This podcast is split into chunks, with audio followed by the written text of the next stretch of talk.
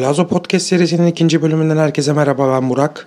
Yanımda sevgili dostum Kadir'le birlikte üçüncü haftasını geride bıraktığımız Sporto Süper Ligi maç sonu yorumlarıyla sizlerle birlikte. Yani üçüncü haftasını geride bıraktık Süper Lig'in derbi haftasıydı.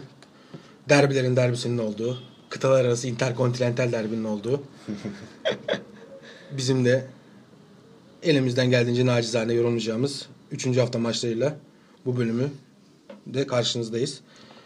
Ona geçmeden ben bir kısa bir şey anlatmak istiyorum. Hani Haber aldın galiba. Haber aldım abi geçen Fransa basınından.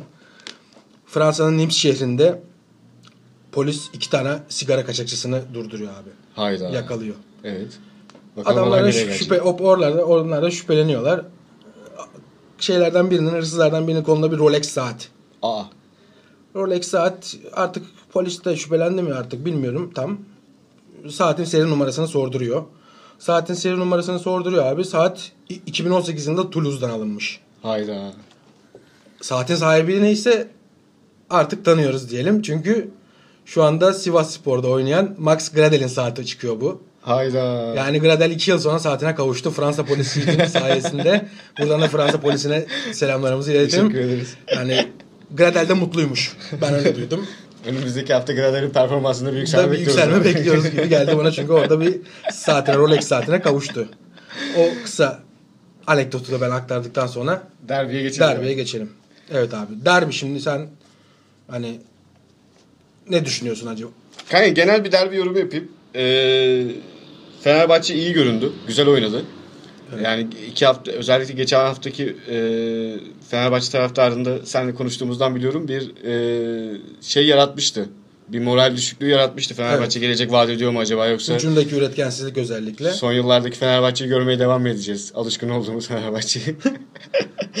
gibi bir şey olmuştu ama şu an e, sanki Fenerbahçe önümüzdeki maçlar için daha umut veren bir futbol sergiledi gibi özellikle savunmada. Katılıyorum. Orta sahası da çok e, sıkı bir takım görüntüsü verdi. Gerçekten orta sahası zaten iyiydi. E, bunu da e, yıl- yılın devam eden sürecinde e, gösterebileceklerine dair bir izlenim verdiler. Için. Umut bir verdi ümit Fenerbahçe. Var. Ümit var. Hani orada ben biraz şey yapmak istiyorum. Ben de hani e, oyun haftalar ilerledikçe, oyunlar oturdukça hani oyuncular fizik kondisyon olarak kendini buldukça bu performansların daha artacağını düşünüyorum. Peki Galatasaray tarafından başlayalım istersen hani önceki haftalara göre biraz daha oyun anlamında e, sönük ve hani biraz tutuk bir Galatasaray vardı. Sen bunu neye bağlıyorsun? Kanka ben bunu şuna bağlıyorum. Ee, Galatasaray aynı oyun oynadı. Galatasaray'ın tutuk olmasının sebebi aynı oyun oynamasıydı. Yani Galatasaray 3 günde 4 günde bir maç yapıyor. Evet. Aynı oyun formatıyla oturta, oturabildiğini düşündü belki hoca takımın bu oyun formatıyla. Yani bu maçı da götürebileceğini düşündü ama e, derbi derbi oynuyorsun. Tek maç özelinde Fenerbahçe iyi hazırlandı.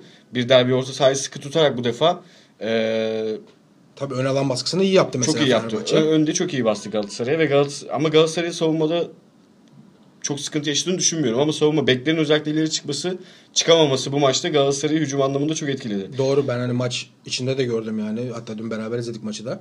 Hani ne Omar'ın ne e, Lines'in öyle çok bindirmeleri yani en azından diğer maçlara nazaran daha azdı. Ki e, senin de dediğin gibi sıkışık bir maç takvimi var. Bu 5. resmi maçı herhalde Galatasaray'ın son iki haftada çıktı. Hani takım da biraz yani o anlamda yorulmaya yani sinyaller verdi.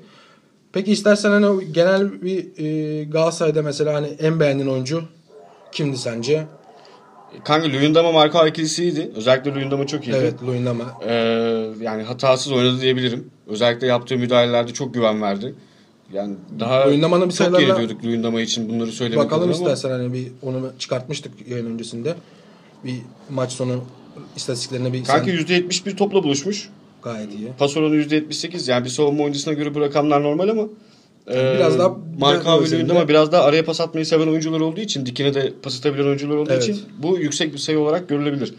3 hava topu kazandı. 4 pas arası yaptı. 6 top uzaklaştırdı ama Gayet çok kritik noktalarda yaptı bunu. Tabii. Yani Galatasaray'da şimdi oyun çok 0-0 üzerinden gitti. 0-0'lık bir maç olarak gitti. Evet. e, pozisyon anlamında Fenerbahçe daha ön alanda oynamaya çalıştı ve daha ön alanda iyi pas yapmasına rağmen e, Fenerbahçe e, ceza sahasında çok topla buluşmasına rağmen pozisyona giremedi. Yani birebir o kaleciyi zorlayan köşeye bir şut olsun bir yani Tabii. zorlayıcı bir pozisyona Yani giremedi. Galatasaray Hücumu çok oynamasına rağmen. pozisyonları zaten ceza sahasında çok giremedi Galatasaray. Yani son o 2016-2017 sezonundan bu yana kendi iç sahasında oynadığı maçlarda en az ceza sahasında, rakip ceza sahasında topla buluştuğu maç oldu. Bu sadece 6 kezde. Gerçekten çok düşük bir rakam. Topu ceza sahasına sokamadı Galatasaray. Uzaktan şutlarla etkili oldu. Ee, zaten maç sonundaki gol beklentilerine, XG'lere baktığımızda iki takımın da 0.5 XG'si vardı yani hani maç anlamında da yani kısır bir maç olacaktı bu gözük gözüküyordu bize. Ara ara hızlandı. Hızlı Ara ara vardı. özellikle ilk, ikinci yarının ilk 10 dakikası Evet Fenerbahçe çok iyiydi. çok iyiydi. Ee, Yani Galatasaray ezberini değiştirmedi. Burada bir bence asıl problem burada. Yani Galatasaray Başakşehir maçında ne oynadıysa, Nefçi maçında ne oynadıysa tabii, onu oynamaya çalıştı. 4-1-4-1 yine. Evet. Derbilerde biraz daha farklı bir oyunla çıkmasını beklerdim ben hocanın. Etebo ile başlayabilirdi mesela e, orta sahada. Belhanda çok etkisizdi. E, Belhanda'ya çok uzun süre tahammül edildi.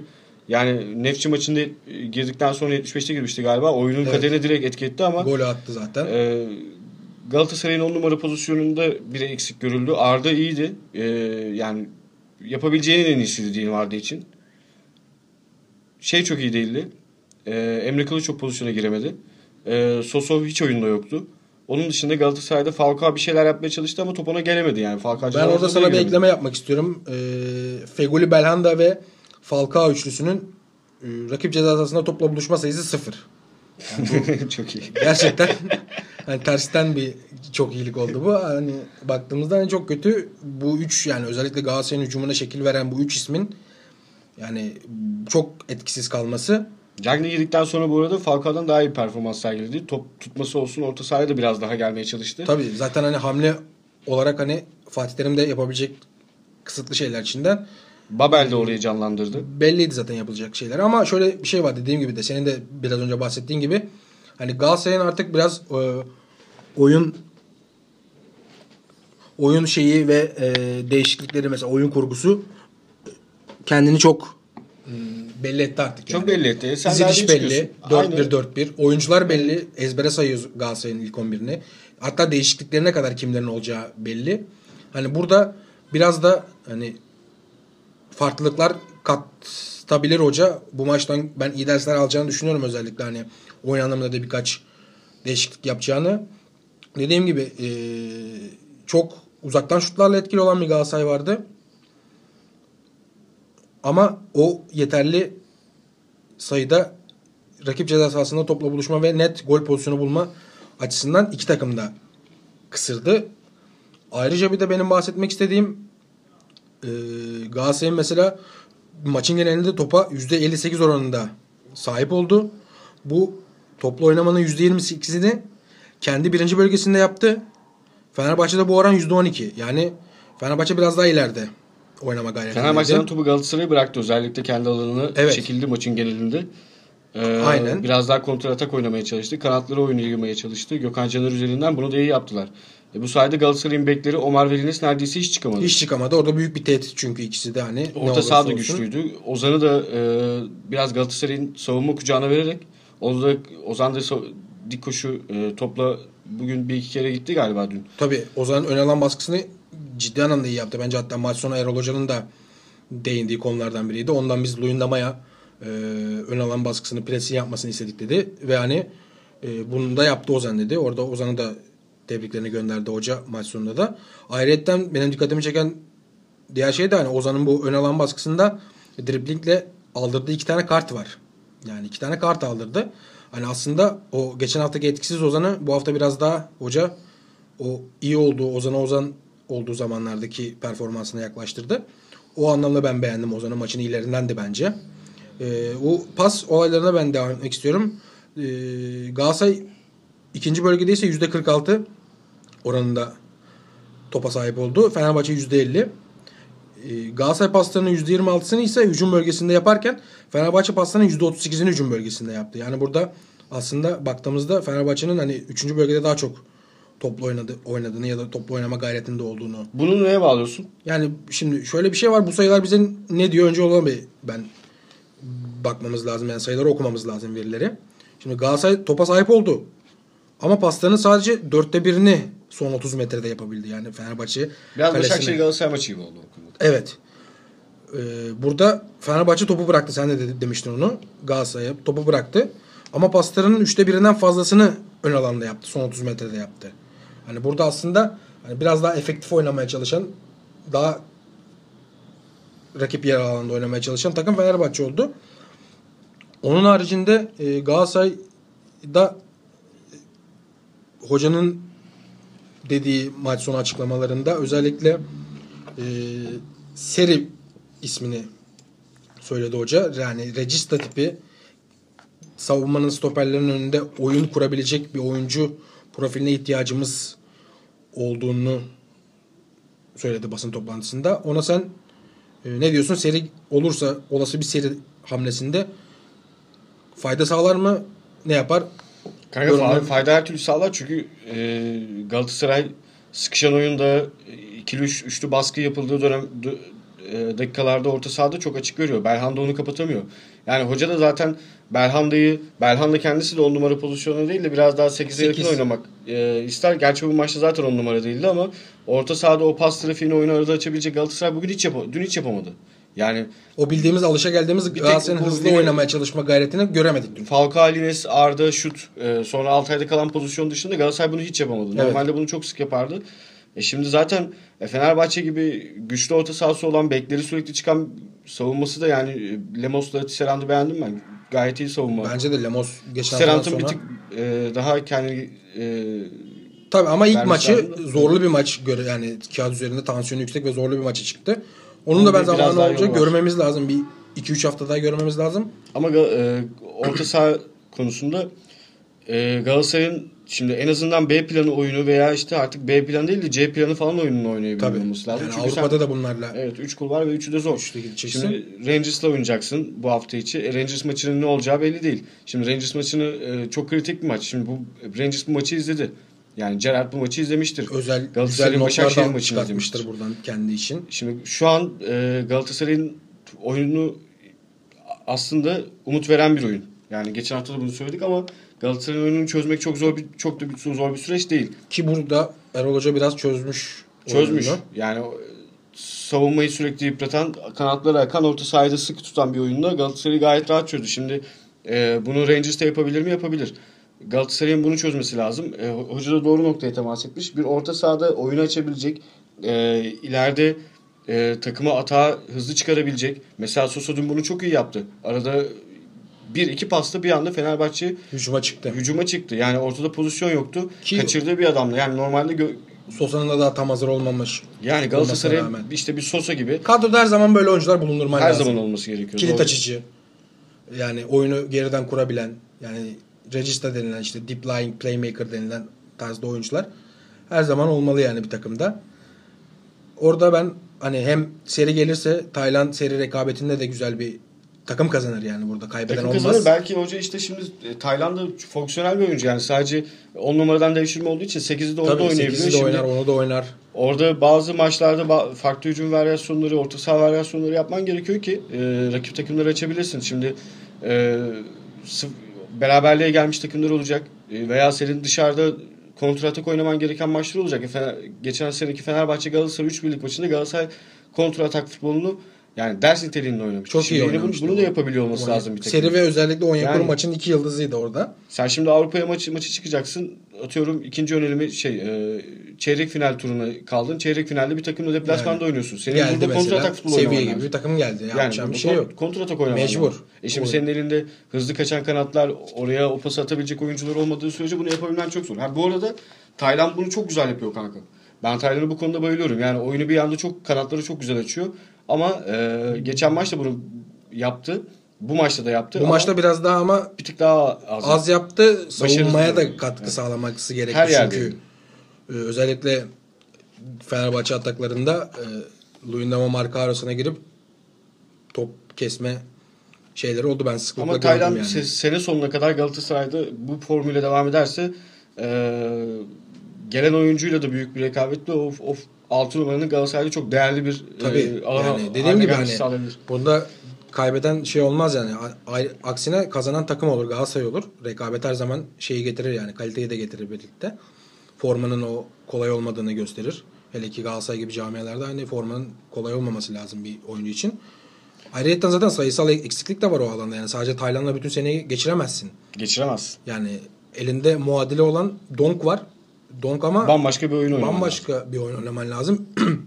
Biraz daha eski model bir 6 numara Donk. Daha çok hani kesici, hani oyun kuruculuğu anlamında, geriden oyun kurma anlamında çok e, iyi olmayan bir oyuncu. Hani Taylan gibi ben oyuna katkı yapacağını düşünmüyorum Donk'un mesela oynadığı maçlarda. Hani ayrıca, ayrıca bana hani mesela Donk'un da bu sene daha çok stoper yedeği gibi kullanılacağını seziyorum ben hani. Luyendama ya hoca da- Falcao'dan birine bir şey stoper alıp olursa. Maçın 87 dakikasında geçen sene yaptığı gibi yine hücumdan bir e, varyasyonu forveti de koyabilir. Donk forvet, forvet Her şeyi yapabilir. Oradan Hocanın bu konuda şapkadan tavşan çıkarmışlığı çok var da. E, Galatasaray'ın orta sahasında Belhanda ve Feguli'nin e, dediğim yani gibi hani etkisizliği, Çok üretkensizliği o şeyi sağlayamadılar. Maker'lığı sağlayamadılar. Çünkü hani Galatasaray hücumlarının yaklaşık yüzde 45'i bu iki oyuncu üzerinden geçiyor yani. Sağ taraf daha efektif kullanılıyor Galatasaray'da. yani Falcao çok zorlandı mesela. Yani Top alamadı. top alamadı ya. Top alamayınca sen Falcao gibi bir adamın top alamayınca yani etkisi onun da etkisi azalıyor. Yani maçın özellikle ikinci yarıdan sonra Falcao'nun çok sıklıkla ben orta sahaya kadar gelip top almaya çalıştığını gördüm. Cagne de girdikten sonra bunu yaptı. O da öyle oldu. Hani orada biraz da topu, 10 numara Galatasaray'da yani topu taşıma eksikliği gerçek var. anlamda bir al- 10 ve 8 numara arasında o bağlantıyı kurabilecek oyuncu aslında Belhanda ama Belhanda'ya güvenip de sezona çıkamıyorsun işte. Böyle, bir oyuncu Yani, yani. geçen Sana Nefçi maçında maç kazandırıyor. tabii 13 dakikada Başakşehir maçında maçında galibiyeti getiren gol müthiş atıyor. oynuyor. Ama bu maçta Ama Fener maçında İşte Belanda'nın biraz da o şey var yani açıkçası yani nasıl diyeyim bir standardı yok. Yani 2-3 maçı iyi oynayıp sonra bir anda dip yapabiliyor. Sonra İşte tekrardan bir anda pik yapabiliyor. öyle de bir oyuncu da şimdi zaten Belhanda e, Dediğin Fransa'dayken bunu bir sene boyunca yapabildiği için Montpellier orada bir Aynen, orada bir sene yaptı. zaten hani rüya Ama zaten yazdı. bunu sürekli yapabiliyor olsa e, Şu an başka seviye takımlarda olur bir daha. Galatasaray'a gelmezdi. Yani oradan Ukrayna yaptı, Kiev yaptı. Oradan sonra hani daha da yükselemedi mesela. Türkiye yaptı hani.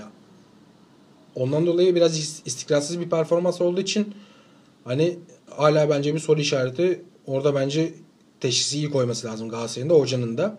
Gerekirse bu arada ama bakalım. gerekirse oyuncu şeyini orada e, arayışı artık olur mu onu bilmiyorum.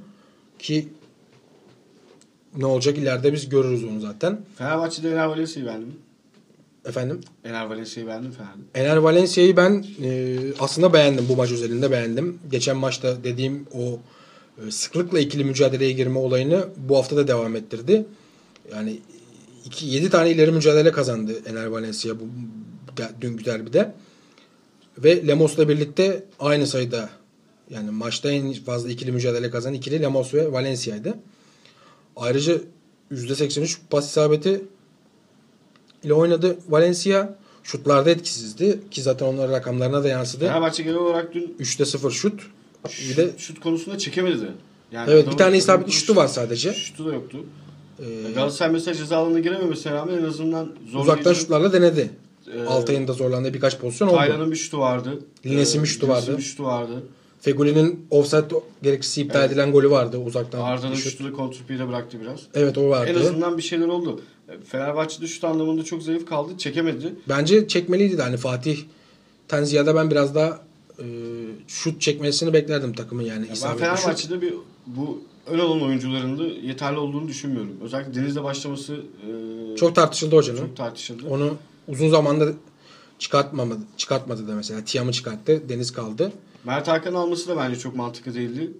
Ya, o dakikadan sonra oyunu biraz daha hani artık son kozlarına mı oynamak istedi? Benim aklımdaki değişiklikler zaten Samat'ta Ferdi ve Mert Hakan. Ama o dakikalardan sonra üçü de hani çok hareketlendiremedi oyunu da. Beklenen etkiyi bence yapamadı. Tabii daha Samat'tan hani ilk maçı bir buçuk antrenmanla buraya geldi. Onun süreye ihtiyacı var. Antrenmana geç mi kalmış? Yok. Bir tanesinde şey imza falan tören mören hani o şeyler olduğu için sonradan girdi maça. Ee, Fenerbahçe'de ben değinmek istediğim konulardan biri takım savunmasında ciddi anlamda bence bir aşama kaydetmiş Fenerbahçe. Geçen seneye göre. Evet savunma olarak Son iki maçtır gol yemiyor.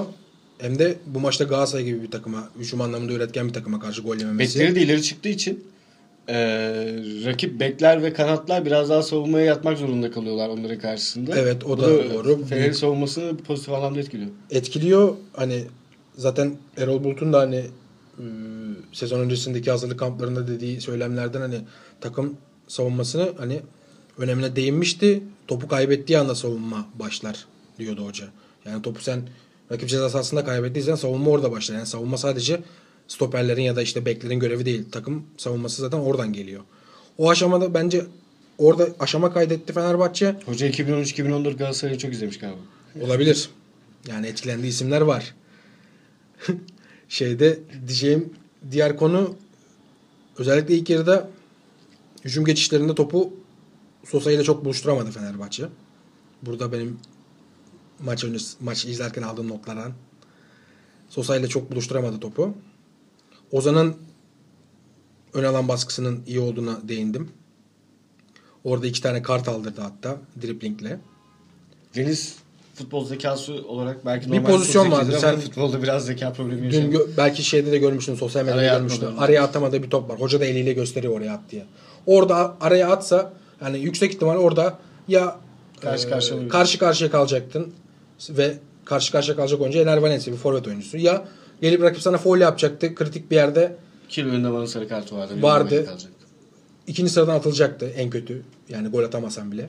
Yani orada onu artık oyuncu görmesi lazım, düşünmesi lazım. Orada Futbol zekası konusunda ben Deniz'i biraz kısıtlı. Yani o vizyonu yok saha daha ağır içindeki. söyleyecektim de. Rütük, rütük girmesin. Rütük, rütük Rütük girmesin. izliyor sağ olsunlar. Aynen oradan hmm, Ramo attı diziye. Ee, onun haricinde Fenerbahçe'de değineceğim Lemos'un geçen Ben- haftadan sonra bu hafta da iyi performansı vardı bence. Serant'ı biraz daha izlememiz lazım. Birkaç pozisyonda hani hmm, tam o da şey yapamadı. Yani Fenerbahçe hücumunu düzeltirse Tabii hoca da zaten hücum bir arayış olabilir. içinde izledi dün. Hücum bölgesinde. Kanatlarda, forvette. şey yapabilir. Zaten kanatlardaki ve forvetteki arayış çözüldü yani. Samat'ta yüksek ihtimal takımın az forveti olacak. Yani Kanatlarda da e, solda Tiam, sağda Ener olabilir. Ya da solda Ferdi olabilir.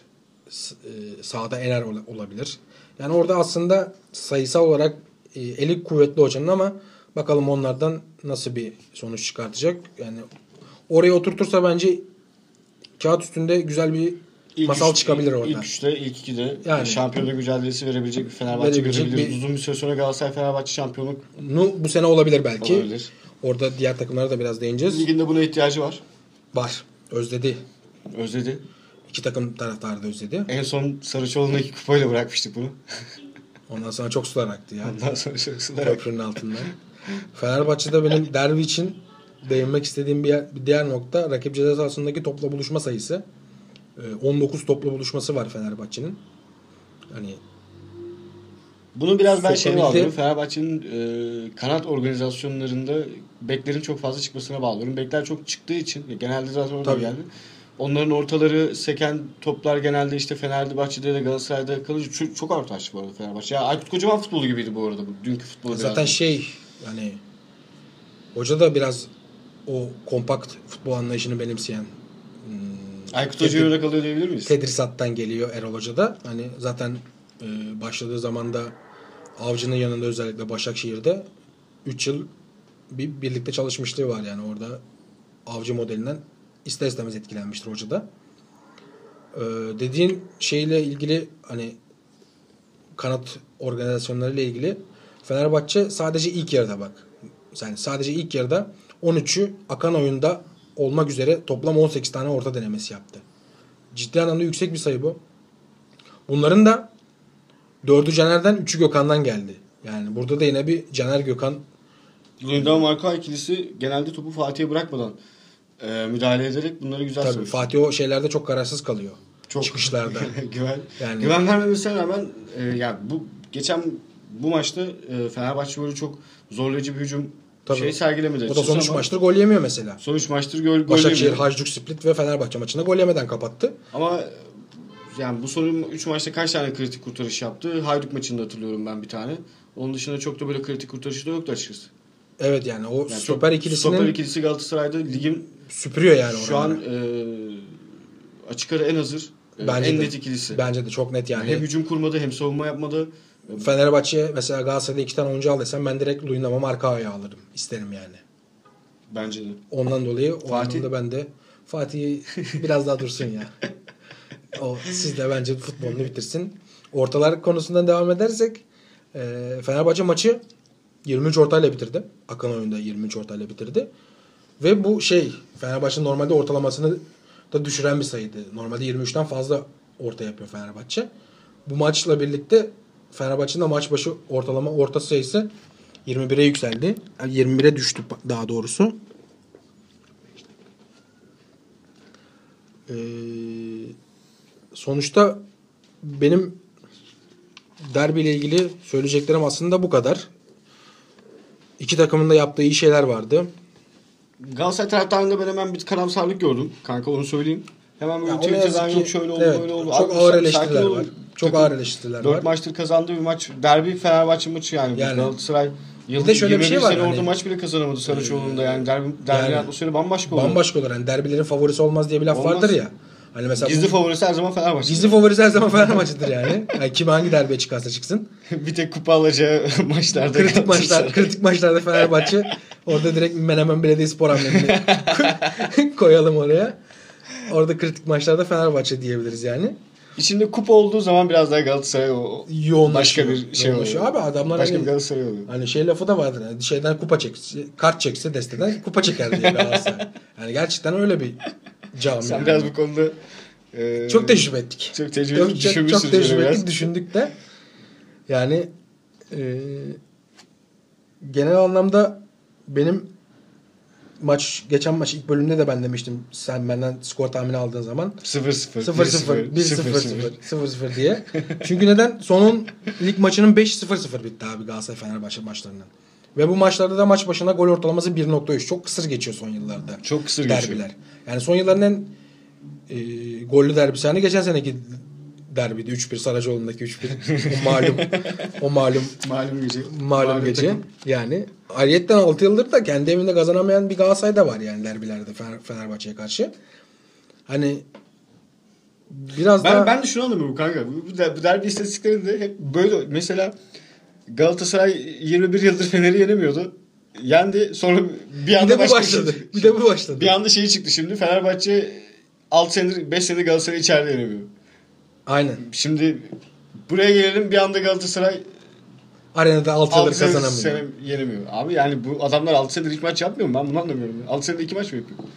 E, tek maç. Abi her maç berabere biterse böyle olur. Yani her maç beraber yani 0-0 hatta neredeyse. Dünyanın en 0-0 derbisidir ya.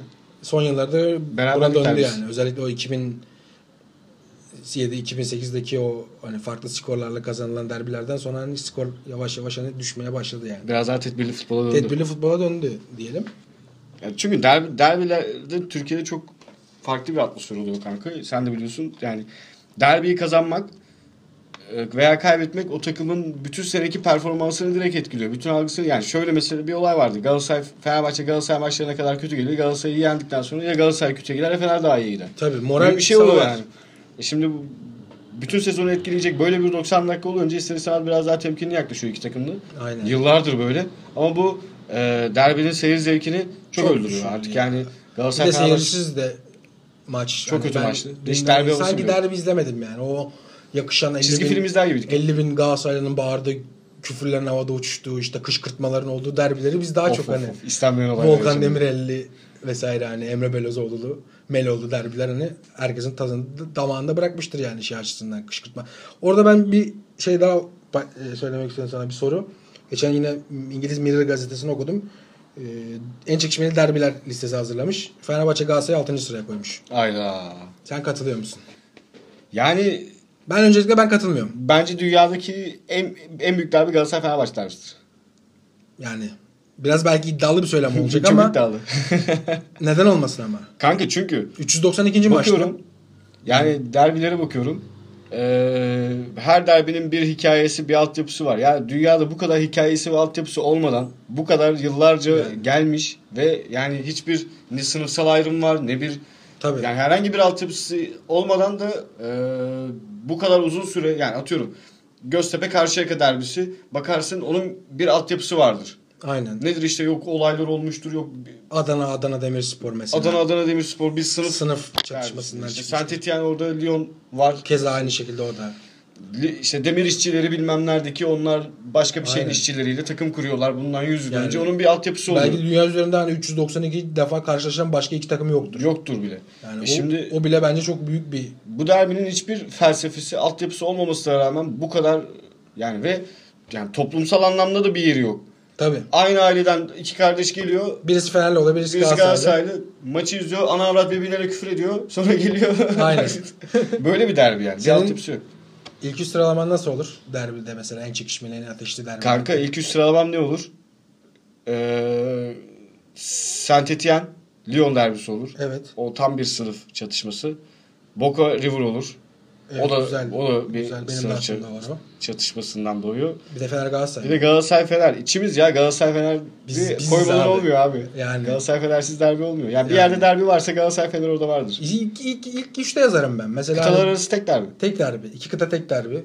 Interkontinental derbi. Bir de yani bir herhangi bir derbi yoktur ki baş, rakip takımın sahasında da kupa alsın. Yani. Wow. Wow. Benim ilk üçüm Bir şey oldu kanka. Boca River. Sonra Fener Galatasaray. Bir de Partizan Kızılyıldız'ı koyarım. O da çok Sen ateşli. olay seviyorsun ama. Ben olay seviyorum biraz abi derbilerde. Hani salt futboldan değil de biraz daha İstenmeyen böyle olaylar olsun. istenmeyen olayların hani o şeylerin sahada birbirini Sen yiyen. o stat yansın istiyorsun değil mi? Yani? Ya yok yansından ziyade hani şey güzel mesela dün mesela bir meşale atıldı. Abi yapma. Şeyde. Güzel bir şey. Ee, arenaya meşale Bunlar atıldı. görmek istediğimiz hareketler midir? Yani şey falan mesela bunun paylaştı o dünya ünlü bir tane futbol sayfası var ya 4-3. Biz ülkemizi böyle gururlandırmalıyız. Aynen öyle. Yani Bu coğrafyanın her yerinde savaş var. Futbol alanında yok dostluk. Abi yapmayın ya. şeye ters. Yaşanmışlığa ters yani. Onun için biraz da hani olaylara biraz daha farklı yaklaşmak lazım derbilerde. Olay çıkarmak mı lazım? Yok olay çıkarmak değil yani şeyi açısından. Yani bunlar biz istemesek de oluyor zaten. Yani bu olayları biz hani istemesek de oluyor. İstersen biraz da e, ligin diğer maçlarına Başakşehir, Başakşehir maçına geçelim. ne olacak bu Başakşehir'in hali? Başakşehir 3'te 0'la başladı. Çok iyi başlangıç. Seriyi bozuldu. Yani 3 maçta da gol atamadı. Ve 3 maçında iki farklı skorlarla kaybeden bir Başakşehir vardı. Orada bir İstikrar var. İstikrar var. Yine ters yönden, eks- eksi yönden bir istikrar var. Sanki biraz bana bu şeyi hatırlattı. Leicester'ın o e, peri masalı sonra. şampiyonluktan sonraki sezonundaki yaşadığı düşüş gibi bir şey olabilir mi? Ben Başakşehir'in toparlayacağını düşünüyorum kanka da. Ben de. Ee, yine de şu anda Galatasaray'dan 7, Fenerbahçe'den 5 puan geriye düştü. Ama bu bu haftalarda kaybedilen, kazanılan puanlar geçen hafta da konuştuk. Şampiyonluğu direkt etkiliyor aslında. Evet. Çünkü son haftalarda oraya geldikten sonra o takım işte geçen sene korona olmasaydı mesela yani Galatasaray'da son maçlarını muhtemelen kazanarak gidecekti. Belki Başakşehir, Başakşehir mesela şampiyonluğu öyle kaybetti. Son haftalarda yapamadı. Sez- Sezonu kötü başlamıştı gerçi ama Tabii sonradan toparladılar. Şimdi Galatasaray Fenerbahçe zaten sezonun geri kalan kısmında özellikle son haftalarda o maçları kazanacaktır elinden geldiğince. Yani büyük oranda daha büyük oranda kazanacaktır şu ana göre. Evet. Yani Yani bir Hatay bir- maçında Fenerbahçe puan kaybedeceğini düşünmüyorum ben. Senin mesela atıyorum maçın bitimine şey senenin bitimine 3-4 hafta var. Fenerbahçe liderin 3 puan 5 puan gerisinde. E, Fenerbahçe deplasmana gidiyor. Fenerbahçe o maçtan 3 puan bırakmaz. Oraya gittikten sonra yani Yani. ama Başakşehir Ama bazen kritik maçlarda Fenerbahçe oluyor işte. Ama Başakşehir eee, bu haftalarda kazandığı puanlarla biraz oralarda tutunacak. Şimdi Kesinlikle. çok kötü başlaması çok kötü Yani oldu. Bir Şampiyonlar Ligi var. Aslında ben hani maçlarını izlediğim zaman Başakşehir'in Hiç umut da vermiyor Ma- Şampiyonlar Ligi. ya maça iyi başlayan ama sonradan düşen bir Başakşehir var. Yani maça iyi başlıyorlar, hızlı başlıyorlar. Ön alan baskısını iyi yapmaya çalışan Başakşehir var. Hani geçiş hücumlarını iyi yapmaya çalışan bir Başakşehir var. Hızlı oynama gayretinde olan bir Başakşehir var. Ama o ilk 20 dakikada özellikle golü bulamayınca bu sefer takımın da yaş ortalaması biraz yüksek olduğu için takım e, yavaş yavaş o şeyi düşürüyor. Baskıyı. Yani çünkü ekonomik de kullanması lazım.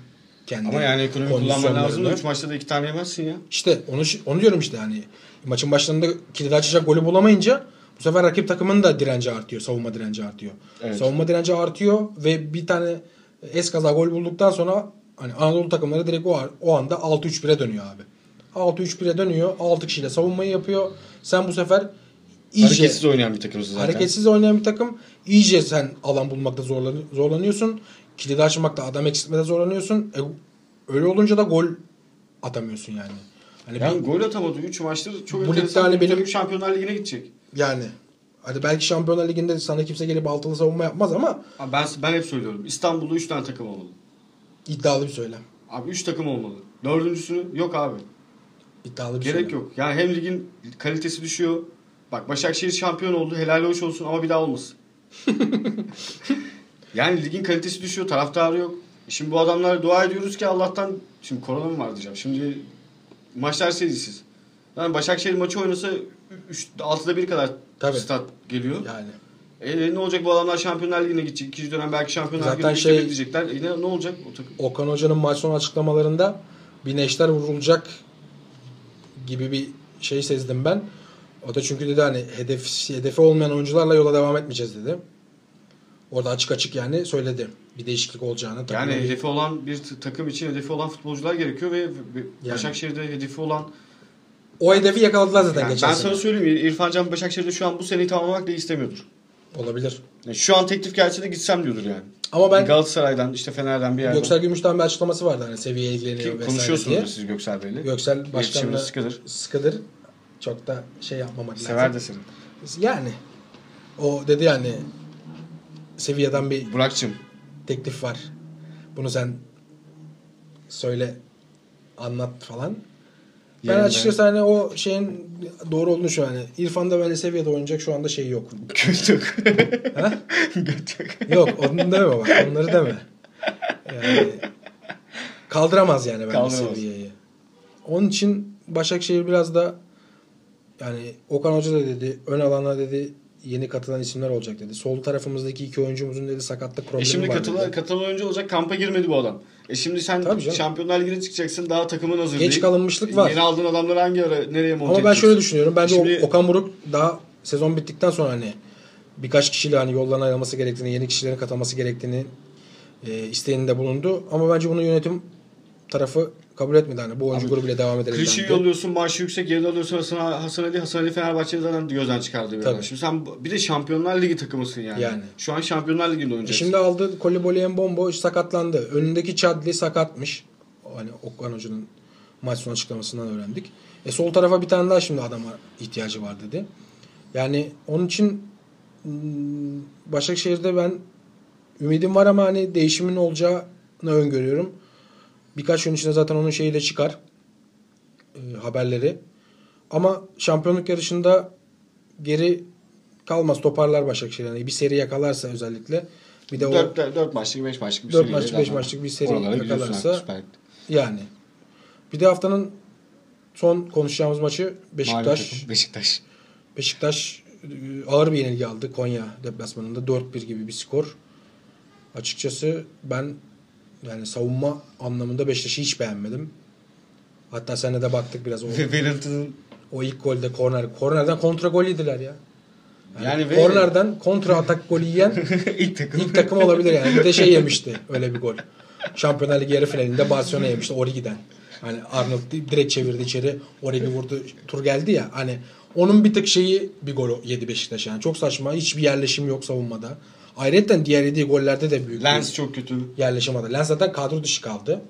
O şey oldu yani o e, teknik heyet kararıyla. Lens ve Umut Nayır'ın kadro dışı kaldığı bilgisi geldi. Umut'u niye kazanamadılar onu anlamıyorum. Yani açıkçası hani bu sene özellikle bu tarz oyuncuların ben kazanılmasını beklerdim. Şimdi Umut'u güveni kazanmayacaksın kimi kazanacaksın? tabii Fatih Aksoy mesela keza aynı şekilde.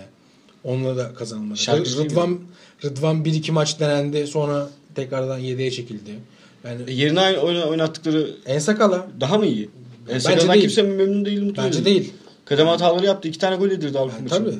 Hani şimdi şöyle bir şey var hani bu sene özellikle ekonomik olarak kötü olunan bir senede kendi öz kaynaklarımıza döneceğimiz denilen senede Demek ki öz kaynağı yok abi Beşiktaş'ın. Ya var abi ama işte dediğim gibi yani neden bunlar kazanılmıyor? Tamam sen illa 5-6 tane şeyle oynadı diye bir şey demiyoruz yani ama